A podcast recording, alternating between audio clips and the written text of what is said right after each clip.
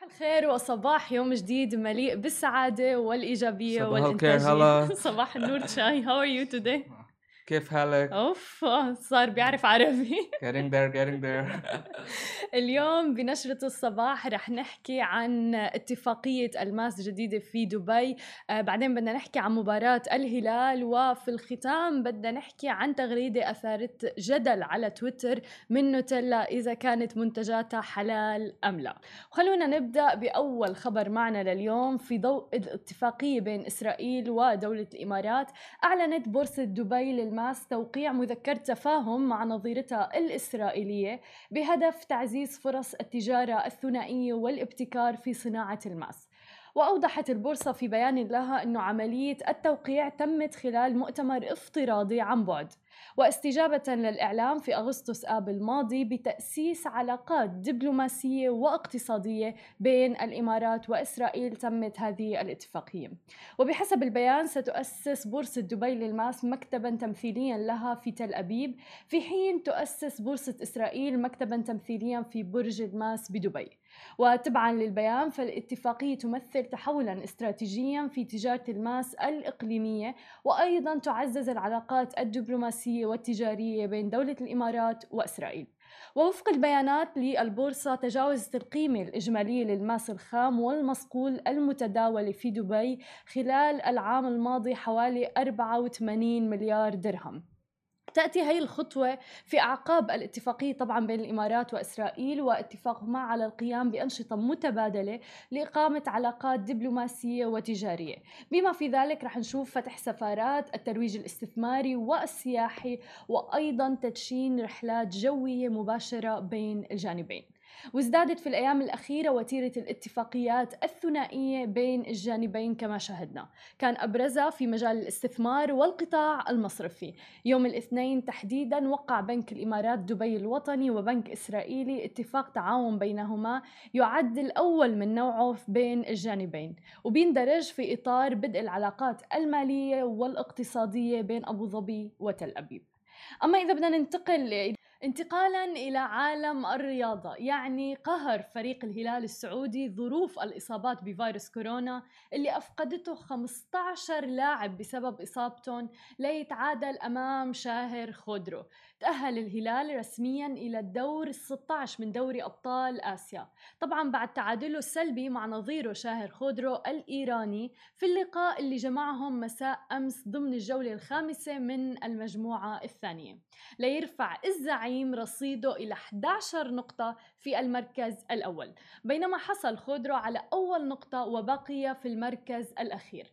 مع أنه التشكيلة كانت مختلفة تماما هذه المرة إلا أن أداء الهلال اتسم بالثقة وتحديدا في تمرير الكرات. فيما كان الفريق الإيراني في اللقاء باهتا نظرا لأنه خرج مبكرا من دور المجموعات بعد خسارته لمبارياته الأربعة اللي خاضها وما سجل فيها أي هدف. وفي الشوط الثاني انخفض الأداء بشكل كبير بسبب رغبة الهلال في الخروج من اللقاء بالتعادل. بينما تثاقل اللعب في فريق شاهر خودرو. طبعا بنحب نحكي من منصة سماشي تي في ألف مبروك للهلاليين وبنتمنى السلامة لل 15 لاعب المصاب بفيروس كورونا. في الختام أثارت جدل يعني نوتيلا. طبعا معظم الناس يجمعوا على حب نوتيلا وأنا أولهم. ولكن أثار رد نوتيلا في الولايات المتحدة الأمريكية تحديدا على تويتر جدلا واسعا حول منتجاتها المحببة لدى الكثير من الأفراد. حيث غردت نوتيلا على تويتر أنه منتجاتها ليست حلالا عندما سألها أحدهم إن كانت المنتجات حلال أم لا. واعتذرت نوتيلا عن التغريدة اللي قالت فيها أنه منتجاتها ليست حلال بالخطأ عبر تويتر. أكدت نوتيلا في تغريدة جديدة أنه كل منتجات نوتيلا اللي تباع في جميع أنحاء العالم مناسبة للاستهلاك الحلال. وقالت الشركة وحددت أنه أكثر من 90% من المصانع اللي بتنتج نوتيلا حاصلة على شهادة حلال من قبل طرف ثالث. وتابعت بالقول أيضا أنها بصدد التصديق على باقي المصانع. وختمت طبعا بالاعتذار عن الخطأ اللي ورد في تغريداتها السابقة. وكان رد نوتيلا في الولايات المتحدة الأمريكية على تويتر قد أثار جدلا واسعا حول منتجاتها المحببة لدى الكثير من المسلمين تحديدا اللي بيهمهم أنه تكون المنتجات حلال. وطبعا لما أكدت بالتغريدة أنه منتجاتها ليست حلال بأول تغريدة أعلنت عنها في تويتر. لكن ردود أخرى على التغريدة دفعت بإجابات أوضح منها أنه منتجات نوتيلا تناسب النباتيين أيضا ولا يمكن للشركة الإعلان رسميا عن أن منتجاتها حلال لدواعي قانونية وإجراءات رسمية لأنه منح علامة حلال بيستدعي الحصول على تلك الشهادة من مؤسسات إسلامية أو عربية حول العالم. مثل مثلا آه، هيئة الإمارات للمواصفات والمقاييس آه، وهو ما بيحصل على المنتجات المنتجات المباعة في دولة الإمارات على سبيل المثال. أما المسلمين في الدول الأجنبية فينصح أنه يستفسروا من المؤسسات الإسلامية في البلاد الأجنبية. بيذكر أنه وفقا للشركة المنتجة لشوكولاتة نوتيلا ف يعني الجار أو المرطبان بيحتوي على خمس مكونات أساسية فقط. هي زيت النخيل الكاكاو والبندق ومسحوق الحليب الخالي من الدسم وطبعا الكثير من السكر. وبيباع هذا المنتج بأكثر من 100 بلد حول العالم.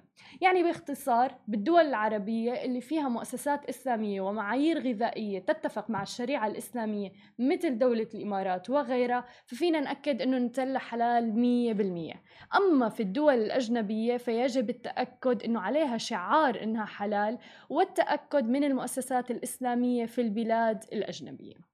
هذه كانت نشرتنا الصباحية لليوم. ما تنسوا تتابعونا على كل مواقع التواصل الاجتماعي الخاصة ب Smashi TV. تسمعوا البودكاست تبعنا وتنزلوا ال application. نهاركم سعيد.